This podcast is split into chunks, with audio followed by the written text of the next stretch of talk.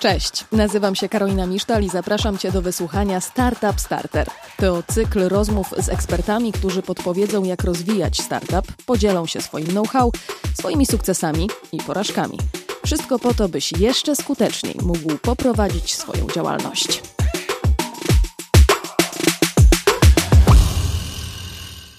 Wydaje się to banalne. Nie przeszkadzać przedsiębiorcy, gdy inwestujesz w firmę, ale uwierzcie mi, większość funduszy VC przeszkadza. Tak pisze na swoim blogu mój dzisiejszy rozmówca. U innego autora czytam, że już na samym początku rozmowy inwestor wie, czy szukając finansowania startup wysilił się chociaż na wpisanie w wyszukiwarkę frazy jak znaleźć pieniądze na swój startup. Co inwestorzy zmieniają w życiu startupowca? Jak poprawnie budować z nimi relacje, aby korzyści z biznesu odniosły obie strony? Między innymi to te tematy poruszę dzisiaj z Tomkiem Popów, który jest przedsiębiorcą i inwestorem. Dzień dobry. Dzień dobry, witam. To taka krótka ta e, definicja ciebie, e, którą zaproponowałeś nam, żeby przedstawić, przedstawiając ciebie, bo jak patrzyłam na listę różnych działań i sukcesów, no to jest ona całkiem długa. Rzeczywiście tych projektów, które zainwestowaliśmy razem z moimi wspólnikami trochę już jest. Myślę, że całkiem pozytywny mamy ilość sukcesów do porażek. I udaje nam się tutaj skutecznie we Wrocławiu budować e, rynek kapitałowy w Polsce. Natomiast we Wrocławiu taką grupę e, kapitałową, która rzeczywiście inwestuje w startupy, robi to od lat. Wydaje się, że nam to wychodzi i chyba chcemy to robić przez kolejne lata. Czy jesteś raczej osobą, która nie lubi mówić o sobie, bo jej sukcesy mówią same za siebie i nie trzeba tu nic dodawać? Czy nie używamy słowa sukces w ogóle, bo tak zrobiłeś taką minę, jakby cię to słowo trochę raziło? Ja nie mam, ja nie mam problemu z sukcesem, żeby mówić o sukcesach. Natomiast myślę, że rynek startupów i rynek e, funduszy VC jest tak przepełniony kłamstwem, manipulacją i nieprawdą jawną, że najlepiej o sukcesach mówi czas. Znaczy, czas weryfikuje rzeczywistość i zwłaszcza startupową. I jak ocenia się startupy przez właśnie pryzmat czasu w jakimś, w jakimś okresie, to wtedy widać, czy czy startup był za wcześnie, czy był za późno, czy founderzy mieli urojenia, czy rzeczywiście to było blisko prawdy. Także ten, ten, ten, ten rynek, tak jak powiedziałem, jest, jest mocno nieprawdziwy, jest lukrowany, a tak naprawdę on taki nie jest. On w rzeczywistości jest dużo bardziej ekscytujący, dużo bardziej brutalny, dużo bardziej wspaniały. On jest zupełnie inny niż on, nie, można go zobaczyć na zewnątrz. Pozwolę sobie na jeszcze jeden cytat. Y, twój, twoich słów. Jestem dobry w pracy z przedsiębiorcami, rozumiem ich, sam nim byłem. Więc chyba jak nikt inny y, znasz odpowiedź na pytanie, dlaczego inwestorzy i startupy tak powinni być ze sobą powiązani. Rzeczywiście byłem przedsiębiorcą przez kilka lat zrobiłem projekty, które sfinansowałem z własnej kieszeni. Sfinansowałem z funduszy Venture również. Co ciekawe, te, które finansowałem z własnej kieszeni, wyszły mi lepiej niż te z funduszami. Natomiast y, przeżyłem tą sytuację gdyby z dwóch stron. Y, będąc na samym początku przez kilka pierwszych lat jako pomysłodawca, a od 2014 roku systemowo jako, jako inwestor. I rzeczywiście widzę, będąc po dwóch stronach jak gdyby stołu, widzę, yy, widzę tego przedsiębiorstwa, tego foundera, wydaje mi się troszeczkę inaczej niż tylko, niż jednak większość funduszy, ponieważ większość, to znowu jest kwestia, w jaki sposób się można dostać do funduszu, jak można go prowadzić. Wydaje mi się, że są takie, przynajmniej w Polsce w tym momencie, dwie główne jak gdyby ścieżki. Możesz się tam dostać jako właśnie pomysłodawca, founder, przedsiębiorca. To jest mój przypadek i wydaje mi się, że tych przypadków jest mniej. Myślę, dużo mniej. Natomiast w znakomitej większości można się tam dostać e, od strony, od ścieżki finansowej, czyli od ścieżki e, takiej stricte bankowej, bankowości inwestycyjnej, mm, analizy jakiejś spółek, giełdy, Czyli analizy po prostu startupów. masz pieniądze i trzeba je w coś zainwestować, żeby pracowały, ale niekoniecznie znając tę stronę, w którą się inwestuje. Znając ją y, na innym trochę poziomie pułapie, bym powiedział. Mi lepiej się pracuje z pomysłodawcami. Ja lubię pracować z, podmysł- z pomysłodawcami, z founderami. Lubię z nimi problemy rozwiązywać. W sensie to jest fajne. Rozwiązywanie problemów. I, I większy problem, tylko trzeba też sobie umieć wybrać ten problem, żeby on nie był za duży, bo jak problem jest ogromny, najprawdopodobniej on jest też rozwiązywany w innej części globu, która być może ma lepsze finansowanie, lepszy network i, i trzeba umieć wybrać taką skalę problemu, która, którą się dobrze jak gdyby rozpoczyna tutaj. Także to jest, to jest, to jest długa opowieść. Nie wiem, czy ten podcast wystarczy na to. Postaramy się jak najwięcej tych y, zagadnień rozwikłać. Y, Czyli krótko mówiąc, potwierdzasz, że ta mm, lina łącząca inwestora i przedsiębiorcę jest gruba i w ogóle jest i powinna być. Znaczy ona jest, o, oczywiście, że ona jest, bo uk- układanka z grubego jak gdyby palca wygląda tak, że pomysłodawca jest, jest y, właścicielem tego biznesu, inwestor jest gościem u niego w firmie. Jest gościem, fundusze zazwyczaj trwają od 8 do 10 lat. W sensie po 10 latach muszą się, bo fundusze też mają pieniądze od swoich inwestorów. Więc y, też muszą po, po 8-10 latach rozliczyć się z, te, z tej kasy z, ze swoimi inwestorami. Więc firma zazwyczaj trwa dłużej. Oczywiście jeśli odnosi sukces. W związku z tym, jeśli, jeśli ta nić porozumienia, która się jak gdyby dzieje pomiędzy pomysłodawcą a funduszem, ona zazwyczaj trwa kilka lat. Natomiast ta relacja jest zawsze, ona w pewnym momencie się kończy, no bo ten, no bo ten fundusz, mówiąc wprost, musi wyjść z inwestycji, musi zrobić exit, musi sprzedać swoje udziały. Także nić jest bardzo silna, ale jest w konkretnym czasie, jak gdyby określona, że będzie działać. No właśnie, to e, o ten czas w takim razie teraz.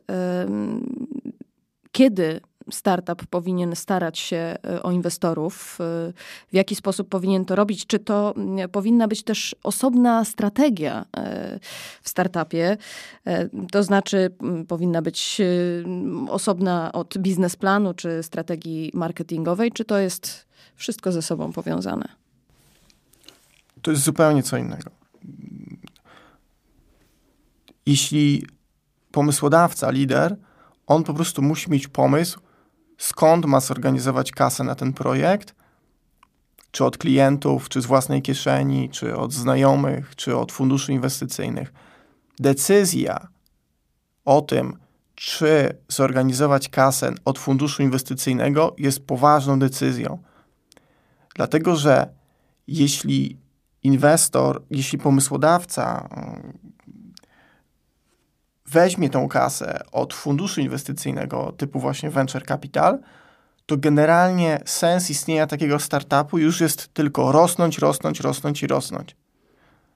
Kolejną rundę, kolejną rundę, kolejną rundę. Nie dlatego, żeby ratować tą spółkę, żeby, tylko dlatego, że, że ona, on będzie, ta spółka będzie zbierała kolejne rundy, dlatego, że rośnie, dlatego, że jest większa, dlatego, że udaje jej się. I przykład z Wrocławia, Infermedica na przykład. No, to jest spółka, w której nie jestem żadnym inwestorem, e, natomiast znam Piotra, lidera Piotra Orzechowskiego bardzo dobrze i, i on już kolejną rundę zbiera.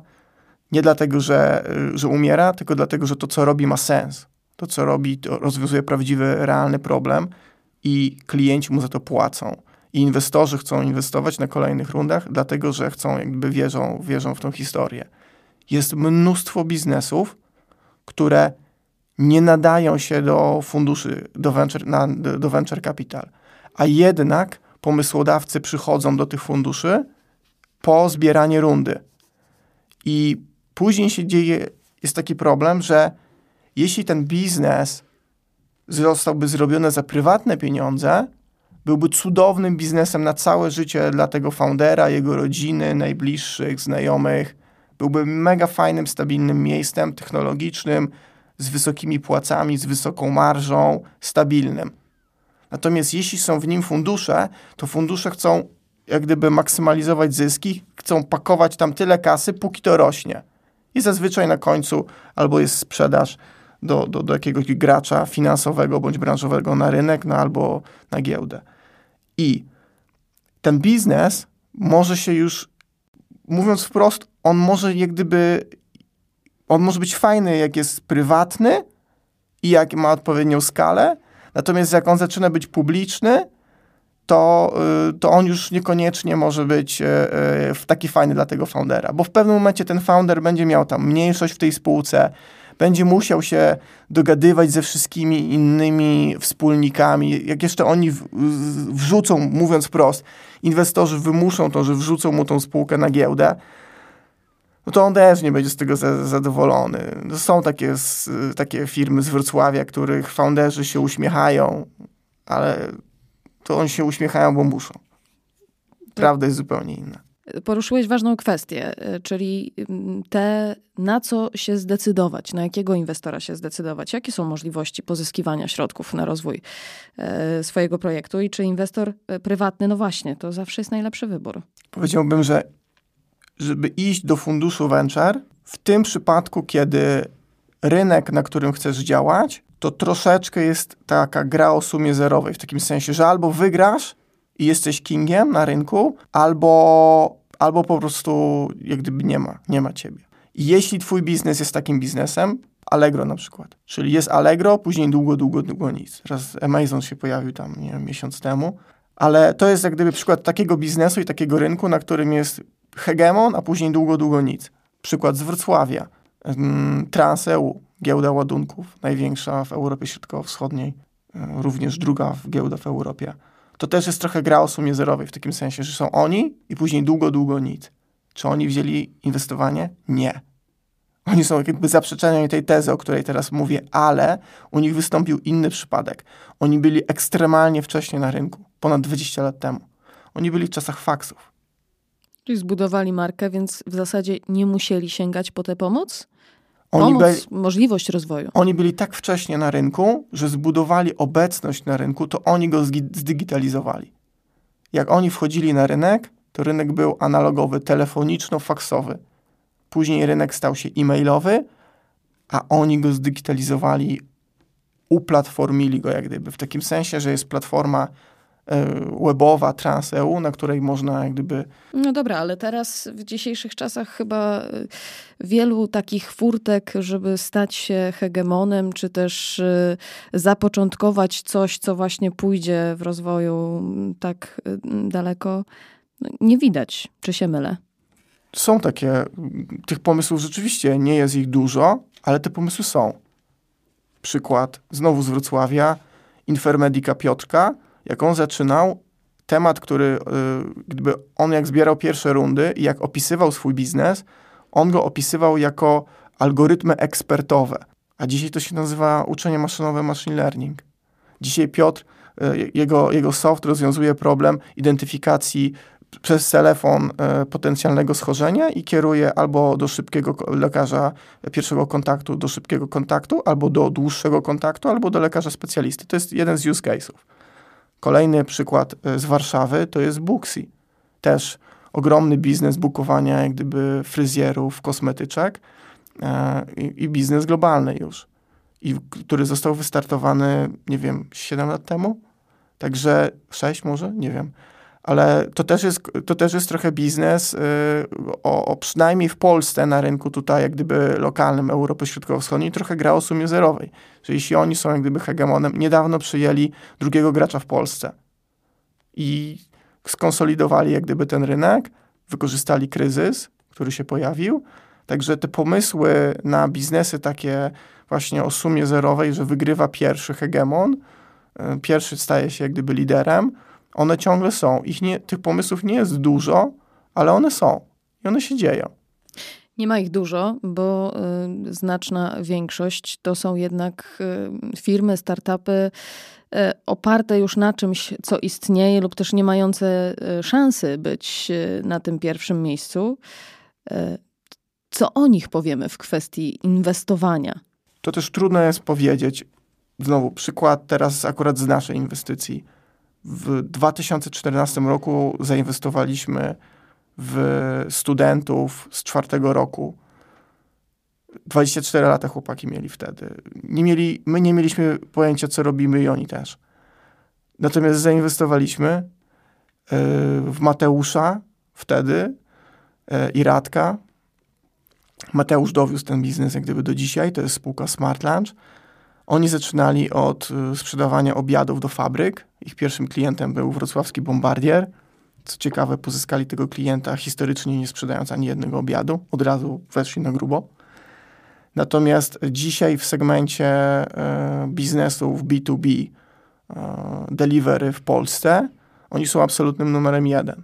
I znowu, to jest taka, są oni, a później otchłań, długo, długo, długo, długo nic i jacyś tam gracze na samym dole. Ale mówisz, że byli młodymi chłopakami, jak zaczynali. Czym was przekonali? To znaczy, mm, poszerzając te, y, to, to zagadnienie, jak rozmawiać z inwestorami? Jak się do takiej rozmowy y, przygotować, y, rozmowy, negocjacji, żeby przekonać, ale jednocześnie nie stracić? Jak dobrać inwestora do naszego biznesu, żeby to nie miało negatywnego ostatecznie wpływu? No, to jest bardzo dobre pytanie. Jeszcze trudniejsza odpowiedź. To jest bardzo dobre pytanie. Y, zasada, ma, makro zasada jest taka, że jeśli się inwestuje na etapie zalążkowym, na seedzie, na samiutkim początku, nie inwestuje się w pomysł. Nie inwestuje się, inwestuje się w człowieka, inwestuje się w lidera. Gdyby główne pytanie, na które trzeba sobie wtedy znaleźć odpowiedź, to jest pytanie, czy ten gość to zrobi. Cokolwiek by to miało nie być. Bo pomysł na biznes, model biznesowy, koncept monetyzacji tego pomysłu, rynek docelowy, rynki pośrednie, koncept wejścia na rynki, to wszystko się zmieni. Natomiast, i to jest ok. Natomiast jeśli się zmieni lider, to się spółka do góry nogami wywróci. Więc pierwsze i fundamentalne pytanie jest takie, czy to jest ten gość. Czy to jest ta dziewczyna, czy to jest ten chłopak. Czy to jest on, ona. O on, dlaczego ona, to też za chwilę jakby powiem, bo 2% kapitału venture capital trafia do kobiet. Tylko. Więc yy, to jest jak gdyby fundamentalne pytanie. Jak my to sprawdzaliśmy? Powiem przykład Mateusza, bo tutaj już o tym smart lunchu. Mateusz w ogóle nie miał być liderem projektu. Mateusz miał być, został polecony mi przez e, doktora Niemczyka z Uniwersytetu, Uniwersytetu Ekonomicznego we Wrocławiu, jako osoba, która chciałaby się e, zajmować funduszami inwestycyjnymi, venture capital i która, on by, on by chciał pomagać mi. Mateuszowi tak zależało. Był zawsze pod mailem, był zawsze pod telefonem, był zawsze na warsztatach. Jemu super zależało jak się pojawił koncept dołączenia do tego startupu, ja mu powiedziałem, wiesz co Mateusz, może ty dołączysz na takiego drugiego foundera, takiego nie lidera, bo jeszcze wtedy myślałem, że on nie ma tego takiego takiej, takiej ikry, takiego, takiej, ta, takiego, tego, tak, mhm. tak, że on tego nie ma po prostu. On miał 24 lata wtedy. Okazało się, że powiedziałem, może na 5%, na 2,5%, na takiego supportującego foundera. A on, dobra, super, robimy. Long story short, historia jest taka, że jemu tak zależało, że yy, i on, on, to, on to wywalczył. Siłą, yy, siłą swojego przywództwa po prostu. Kupił cię swoją determinacją. Yy, tak, tak, tak. On jest, jak się na niego popatrzy tak wizualnie, to, to nie jest jakiś gość, którego można było powiedzieć, że, tak, że to jest jakiś lider świata. Ale jak się z nim na chwilę usiądzie, na 15 minut i posłucha, co, co ten gość ma w głowie, jego całe, całe, cały team, który tam jest, to, to jest do góry nogami wszystko się obraca. Powiedziałeś, że wrócimy do on i ona i że to jest ciekawa kwestia. Tak. 2% kapitału venture globalnie trafia do kobiet. Tylko. Tylko. 98% founderów, dlatego się mówi founderzy, bo kobiety są niereprezentowane. e, trafia, jak gdyby 2% trafia do kobiet. Myślę, że w Polsce jeszcze mniej. W Polsce jest jeden fundusz, który w ogóle ma taką ideę, że prowadzony przez kobiety, e, żeby w ogóle tylko w founderki inwestować. Mm, nie znam, szczerze mówiąc, dokładnie ich inwestycji, więc ja nie wiem, czy ta historia jak gdyby się sprawdza. Wiem tylko tyle, że my w ramach naszego no, tego najnowszego wehikułu inwestycyjnego VFE taką decyzję podjęliśmy, że nie ruszymy się z miejsca po, po powyżej dziesiątej inwestycji, jeśli nie znajdziemy e, founderki, jeśli nie znajdziemy projektu, gdzie liderem będzie kobieta. Mało, myślę, jest founderek, a one są super dziewczyny. A czemu tych founderek jest tak mało, twoim zdaniem? Dlaczego? No, jak jest tłuczone dziewczynkom e, w szkole, że one są humanistki, a chłopcy są e, techniczni. Jak dziewczynki mają nie wiem, się zajmować lalkami i się mają przy palniczku w kuchni mają barszcz gotować, a, a, a chłopcy bawią się Lego Technik, to, to, to nic dziwnego, że na koniec dnia lądujemy tu, gdzie lądujemy.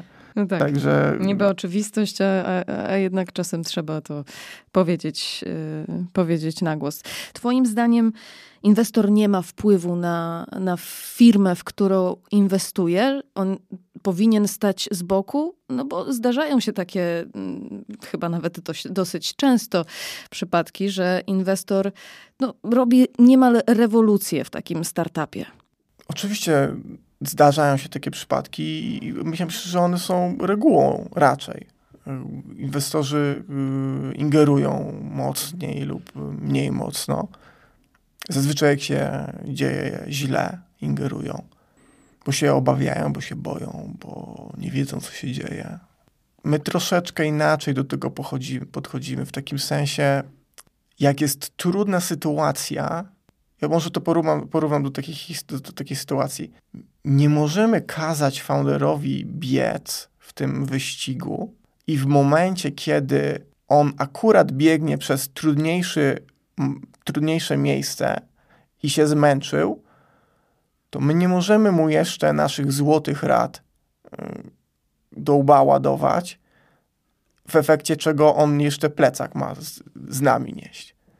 Po prostu ten trudny, o, trudny moment w firmach, on jest sprawdzianem dialogu pomiędzy funduszem a founderem. On jest sprawdzianem tego, czy ta relacja jest zdrowa, czy ta relacja jest chora. Ta relacja będzie chora, jak wszyscy będą wrzeszczeć na siebie i, z, i, i zrzucać winę. Na, z całym szacunkiem, ale na koniec dnia, jeśli ta, to, ten projekt nie wychodzi, to inwestor wybrał tego foundera. Nikt mu nie kazał inwestować. To on go wybrał. I teraz to founder zajmuje się tymi pieniędzmi. Niestety, znaczy stety, niestety, zysk w funduszach venture to nie jest, to, rozkład zysku w funduszach venture capital to nie jest rozkład, to nie jest rozkład normalny, to nie jest rozkład, e, to nie jest rozkład normalny, to jest rozkład y, wykładniczy w takim sensie, że malutka część spółek zainwestowanych w funduszu zwraca cały fundusz z dużą nawiązką. A, a cała reszta spółek to są albo średniaki, połowa to są nic nie warte, zdechną.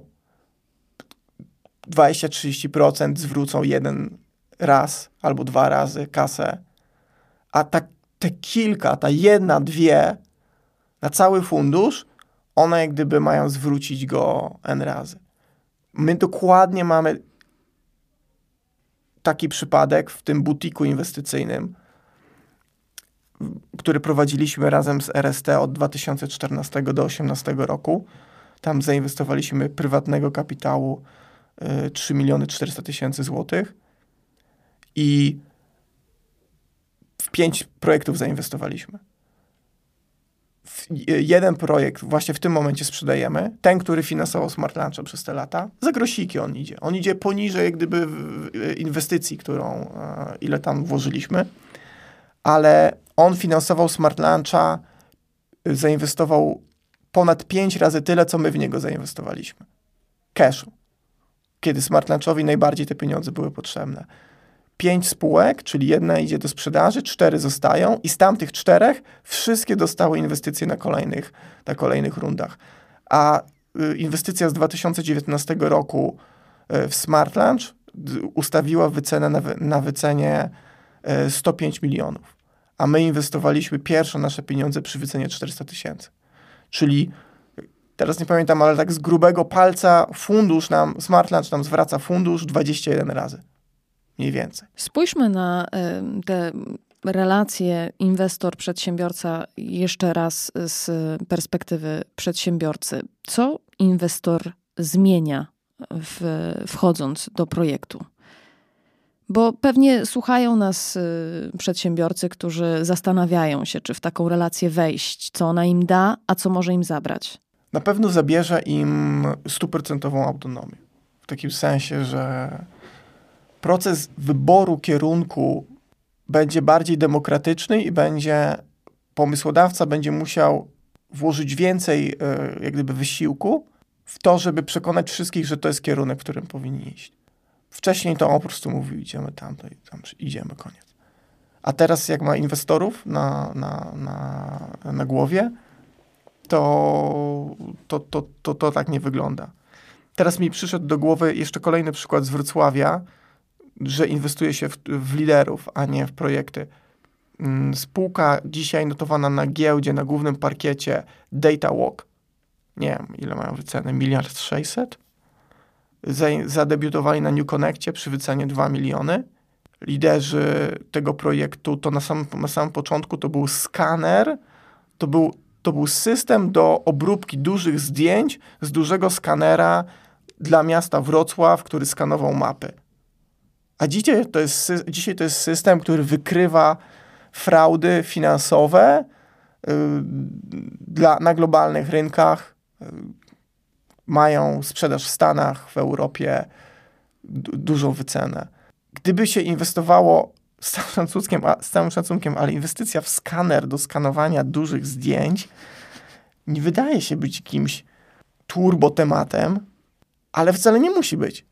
Bo okazuje się, że turbo tematem byli liderzy. A myślisz, że doszliby tam, gdzie są teraz bez inwestorów? Myślę, że inwestorzy generowali u nich y, dużo stresu i dużo, dużo, dużo też kas, ka, kasy tam było zainwestowane. Ja myślę, że grubo ponad 100 milionów, 200 może nawet. W całym tym cyklu, do tego momentu, gdzie oni są dzisiaj. Czyli stres się opłacił, krótko mówiąc. Myślę, że bardzo szybko się zahartowali i po prostu pułap stresu urósł i już w pewnym momencie się nie stresowali. Jakie błędy startupy popełniają w relacjach e, z inwestorami? Najczęściej. Kłamią. I inwestorzy Co też nie kłamie, kłamią. no właśnie. Inwestorzy też kłamią. Kłamią, yy, udają, że są w tym miejscu, gdzie nie są. Yy, wydaje im, no, słyszę takie picze, że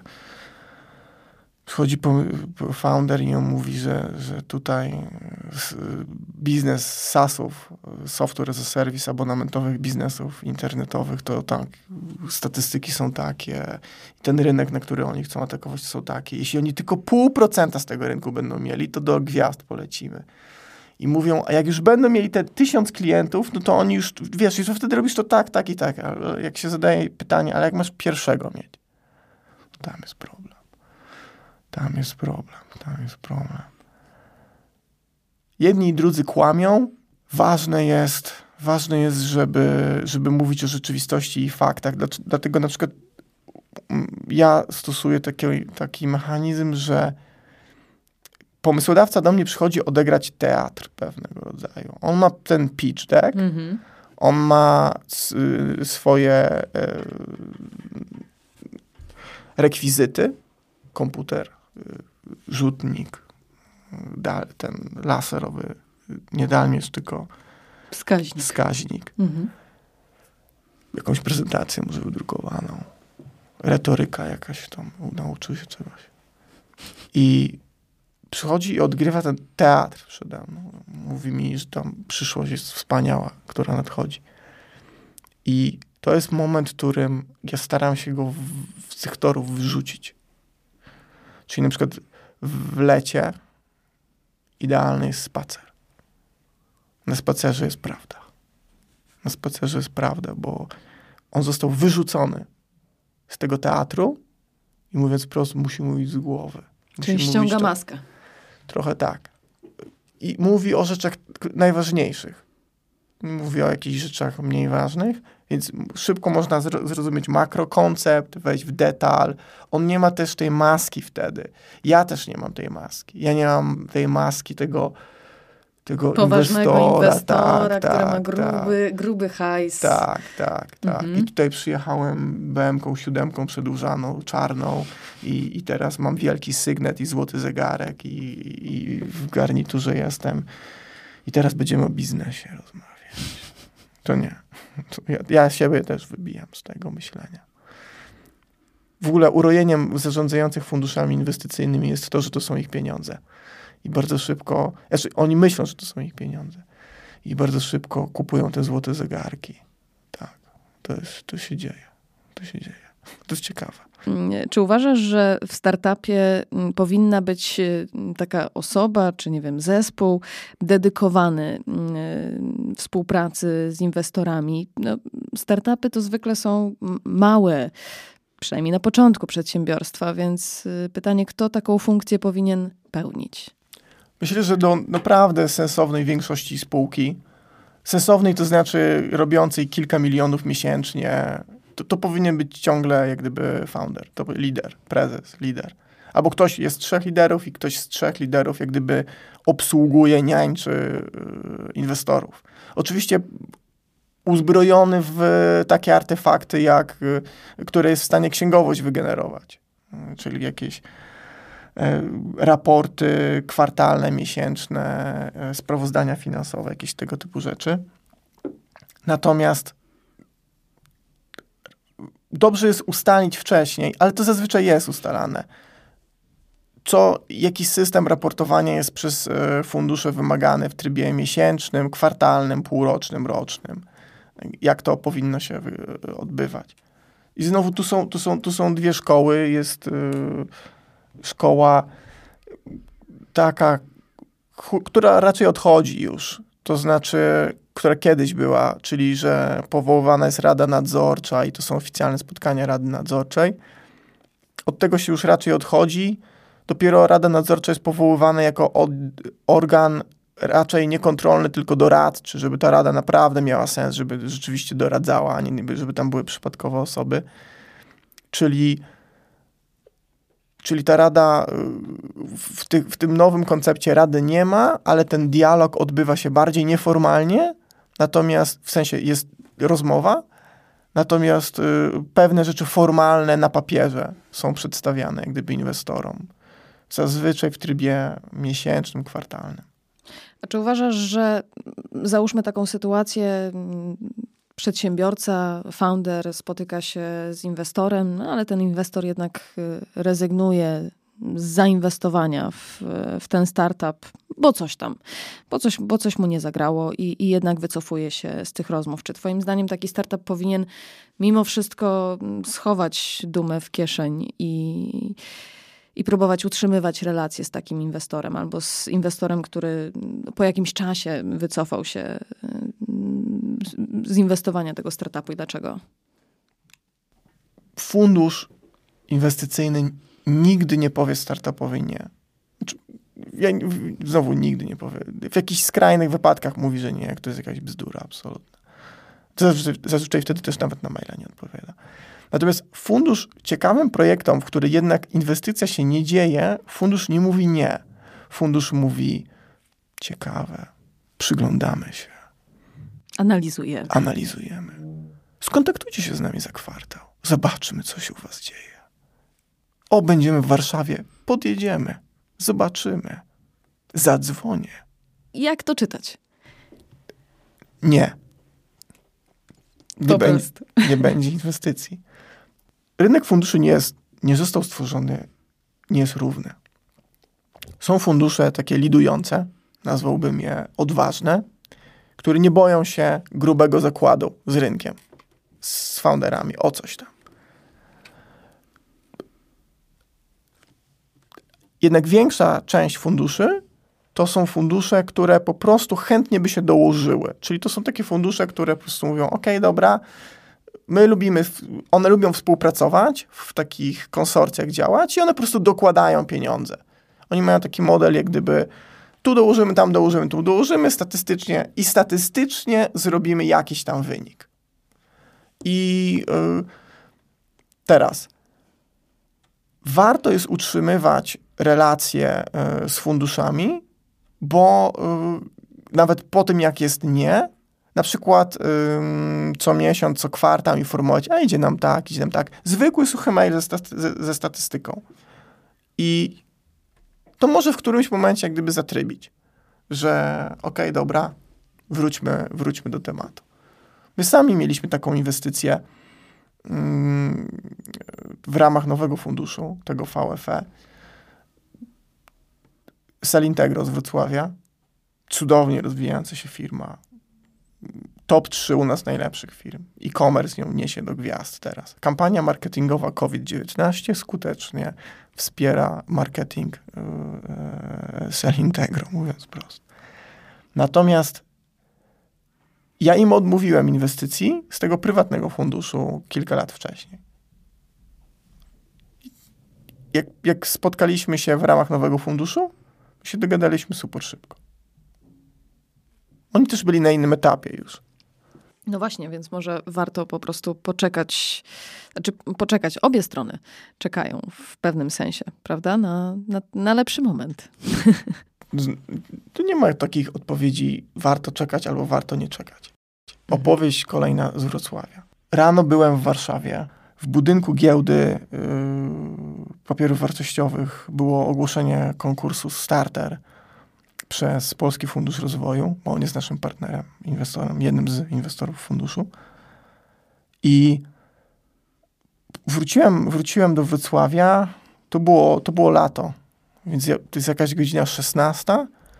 Jestem e, w Bema Cafe we Wrocławiu, nie, obok Bema Cafe, na obiedzie jakimś, z moim wspólnikiem z, z, z jednej ze spółek.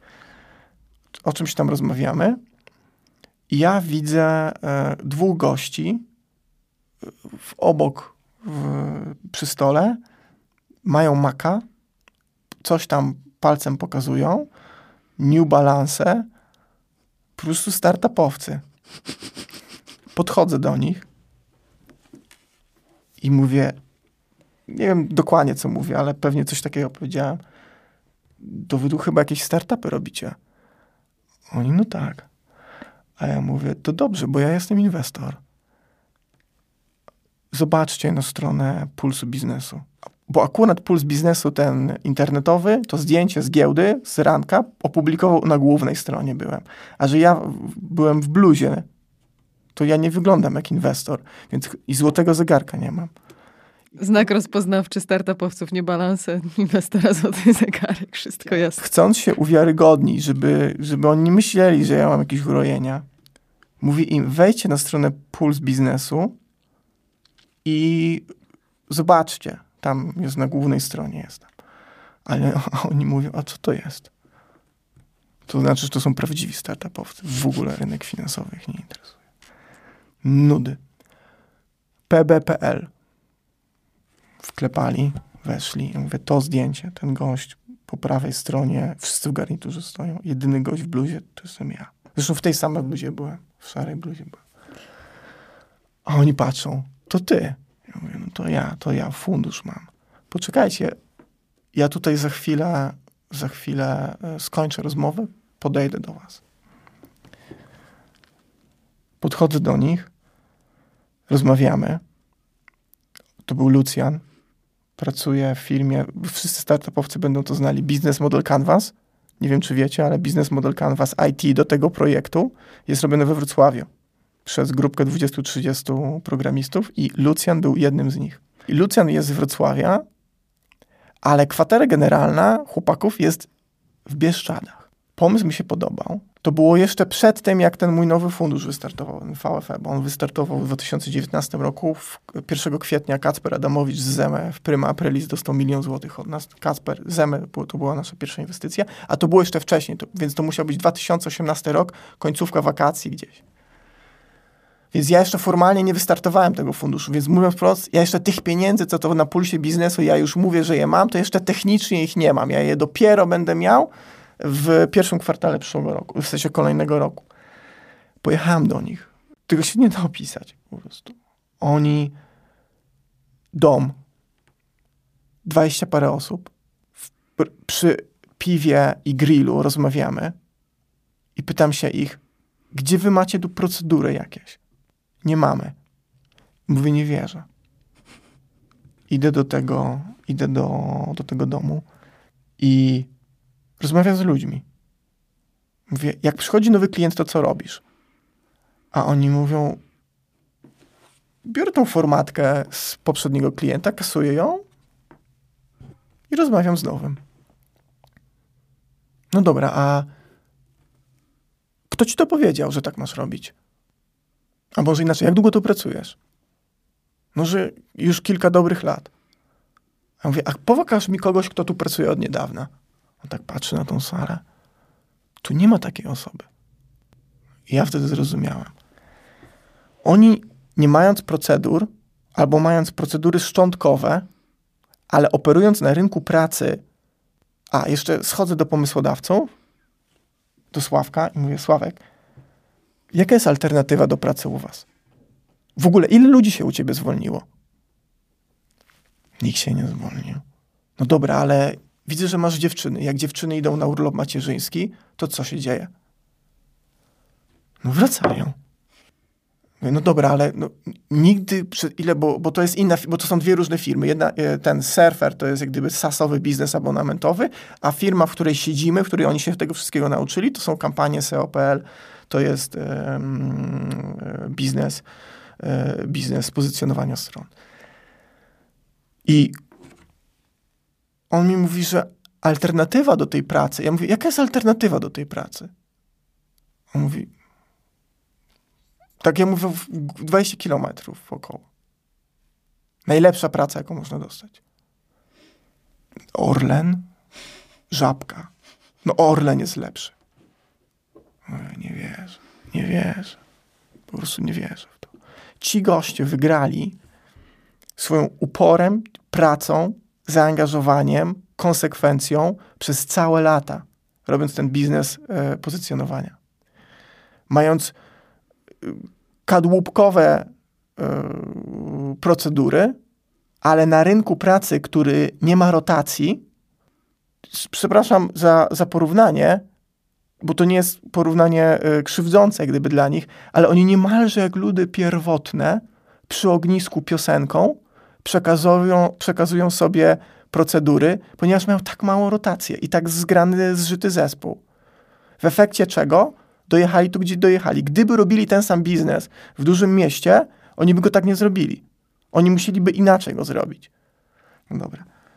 Wracam z tych Bieszczad. Wracam z tych Bieszczad, nie wierząc, co właśnie zobaczyłem. Yy, long story short, nie zainwestowaliśmy. Ale nie dlatego, że im, jak gdyby, że coś nie pasowało dwóm stronom. Tam później renegocjowaliśmy ten kontrakt. Natomiast nie za, po prostu oni się tak szybko rozwijali, a my jeszcze nie odpaliliśmy funduszu. Czy dzisiaj żałuję, że nie zainwestowałem? Oczywiście, że żałuję. To nie jest informacja ja, e, jak gdyby tajna, o której teraz powiem, bo to jest informacja, którą się chłopaki sami dzielili. Oni w pierwsze w pierwsze 10 miesięcy chyba doszli do abonamentu MRR-a e, pół miliona złotych, a dojście do miliona złotych abonamentów miesięcznie zajęło im chyba 18 miesięcy. Ja nie wiem, czy oni nie są najszybciej rozwijającym się SaaS-em B2B w tym momencie w Polsce. Dla porównania, znowu nie wiem, jakie są dokładnie dane, ale wydaje mi się, że Brand24 znany we Wrocławiu przede wszystkim z roli jak gdyby Michała i tego, co firma robi od lat. Nie wiem, ile Michał ma MRR, ale chyba jeszcze nie ma miliona. Natomiast oni do, do miliona doszli w 18 miesięcy. I Imponujące. opowiadałem tą historię znajomemu z dużego funduszu yy, i on mówi, Tomek, dobry sourcing. Mówię, stary, ten sourcing to były New Balance i, i Mac. A gdybyś miał się podzielić ze startupami taką jedną radą dotyczącą budowania relacji z inwestorami, to co by to było? To doradzę im coś takiego, co jest dobrą radą również w softie. Jeśli nie działa, to niech się psuje szybko i głośno. Jeśli nie działa twój biznes, jeśli nie działa twój koncept na biznes, to niech się psuje szybko i głośno. I nie, nie, maluj, nie maluj trawę na zielono, nie pudruj tego, tylko mów o tym głośno, mów o tym szeroko, mów o tym inwestorom, mów o tym wspólnikom, mów o tym pracownikom, mów o tym e, szerzej, bo być może szerzej znajdziesz rozwiązanie. Szukaj. Ja startupom mm, taki, takiego porównania u, użyję. Startup to jest trochę jak ryba wyciągnięta z wody na, na molo. Mhm. I startup, który będzie. Ryba wpadnie do wody tylko wtedy, kiedy się będzie ruszać. Kiedy będzie przeskakiwać z, z boku na bok. Tylko wtedy ma szansę wpaść, na, wpaść znowu do wody. I startup, y, który nie szarpie się, nie szuka, nie jest dynamiczny, nie jest agresywny, nie, nie miota się, nie popełnia błędów, nie szuka, to jest startup, który prędzej czy później zdechnie. Kropka. Kropka. Trudna to pewnie dla wielu do przełknięcia prawda, ale prawda. O relacjach z inwestorami w startupie e, z Tomkiem Popów rozmawiałam dzisiaj. Bardzo Ci dziękuję za tę prawdziwą, szczerą chyba. Znaczy, ja miałam takie poczucie, rozmowę. Startup Starter to podcast, którego wysłuchaliście. Już teraz zapraszamy Was na kolejne odcinki.